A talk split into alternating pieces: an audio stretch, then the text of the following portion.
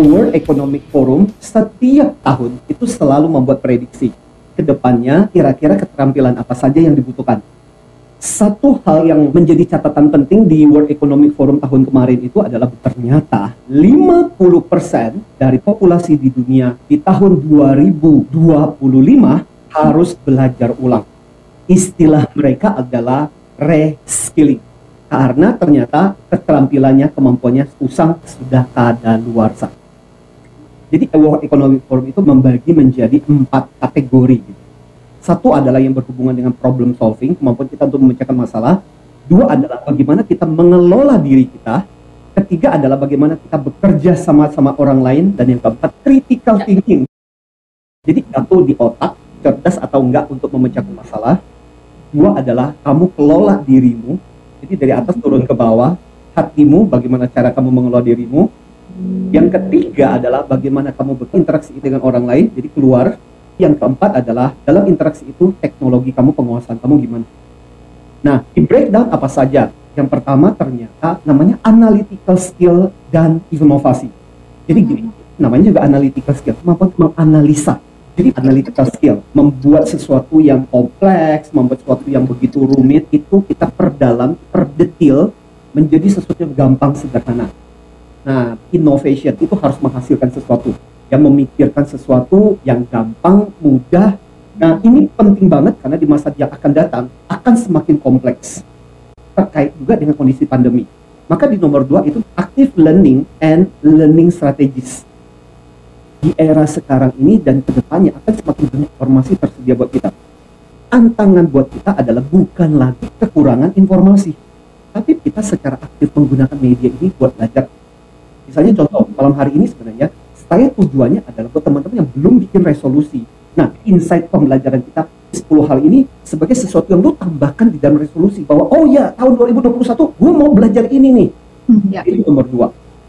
Nomor tiga namanya kompleks problem solving. Jadi World Economic Forum itu kan isinya pemimpin dunia. Dikatakan bahwa guys kehidupan lu bakal tambah rumit, situasinya makin tambah susah, makin tambah kompleks Ya. Banyak hal yang mesti lu putusin. Maka dalam hal ini kita harus punya kecepatan untuk membuat keputusan.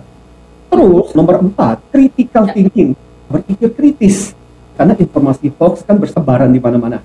Ya. Critical thinking itu adalah melihat latar belakang informasi, kebenaran informasi dan kemudian dikaitkan hmm. dengan keyakinan kepercayaan kita, lantas kemudian kita menentukan ini loh sikap buat untuk bisa berpikir kritis, kamu harus bisa berpikir analitis Nah, nomor lima adalah creativity, originality, sama inisiatif.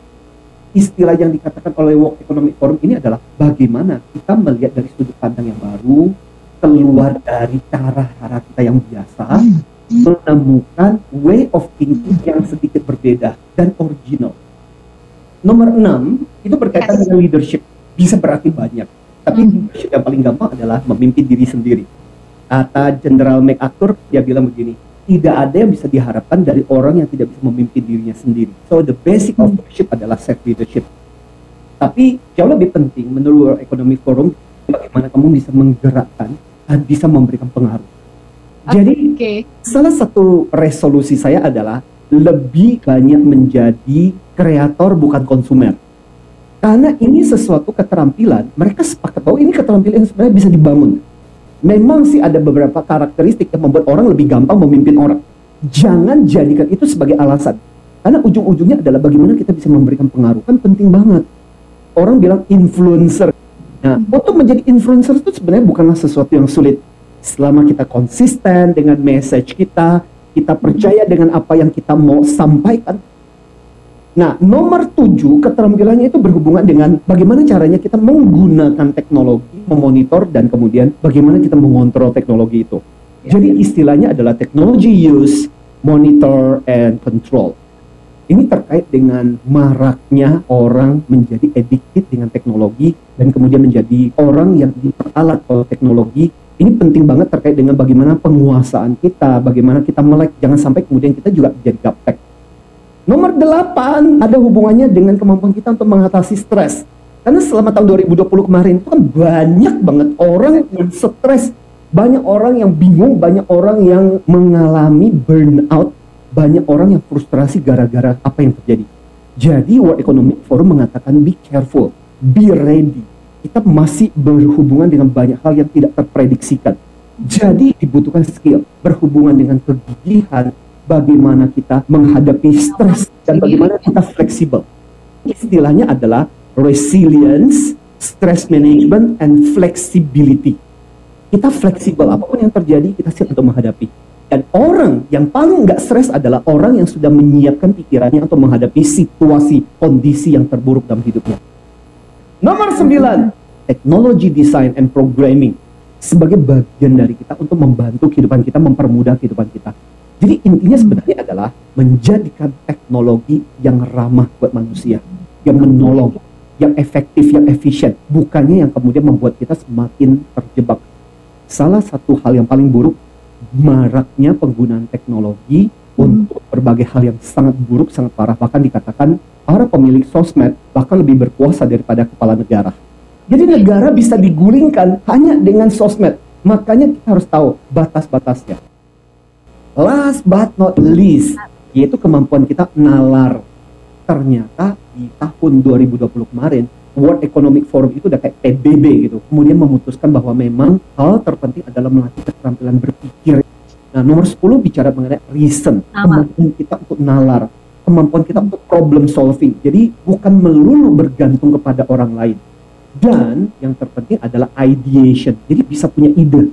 Pada dasarnya kita bukan kekurangan uang, tapi kekurangan ide bisa mendapatkan ide dari melihat masalah orang, bisa melihat ide dari melihat produk yang sudah ada, lantas melihat kelemahannya, lantas kemudian kita membuat yang lebih baik. Itu kan menghasilkan banyak ide. Harold Dweck, salah satu psikolog dari Stanford, dia mengatakan yeah. ada dua mindset, ada fixed mindset dan growth mindset. Fixed mindset merasa ya sudah bakat gue memang udah kayak begitu, kemampuan gue udah kayak begitu, udah bisa diapa-apain lagi tapi growth mindset dia merasa bahwa oke okay, aku punya keterbatasan tapi selama aku masih mau belajar aku bisa meningkatkan keterampilanku aku bisa menjadi lebih baik. Bahkan kerja keras bisa mengatasi yang namanya bakat.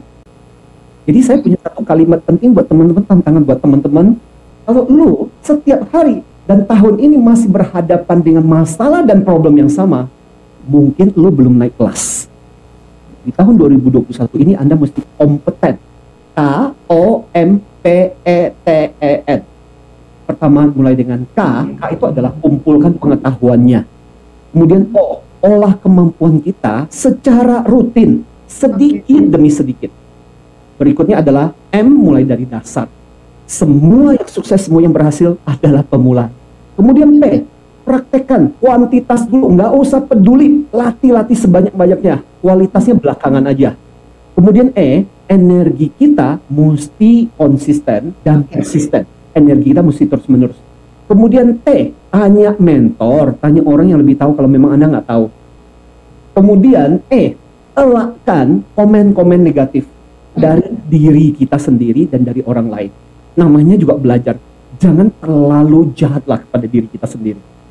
Ya. Dan terakhir, nilailah diri kita dari kemajuan kita, bukan dari keberhasilan kita kemajuan demi kemajuan akan membawa kita kepada keberhasilan.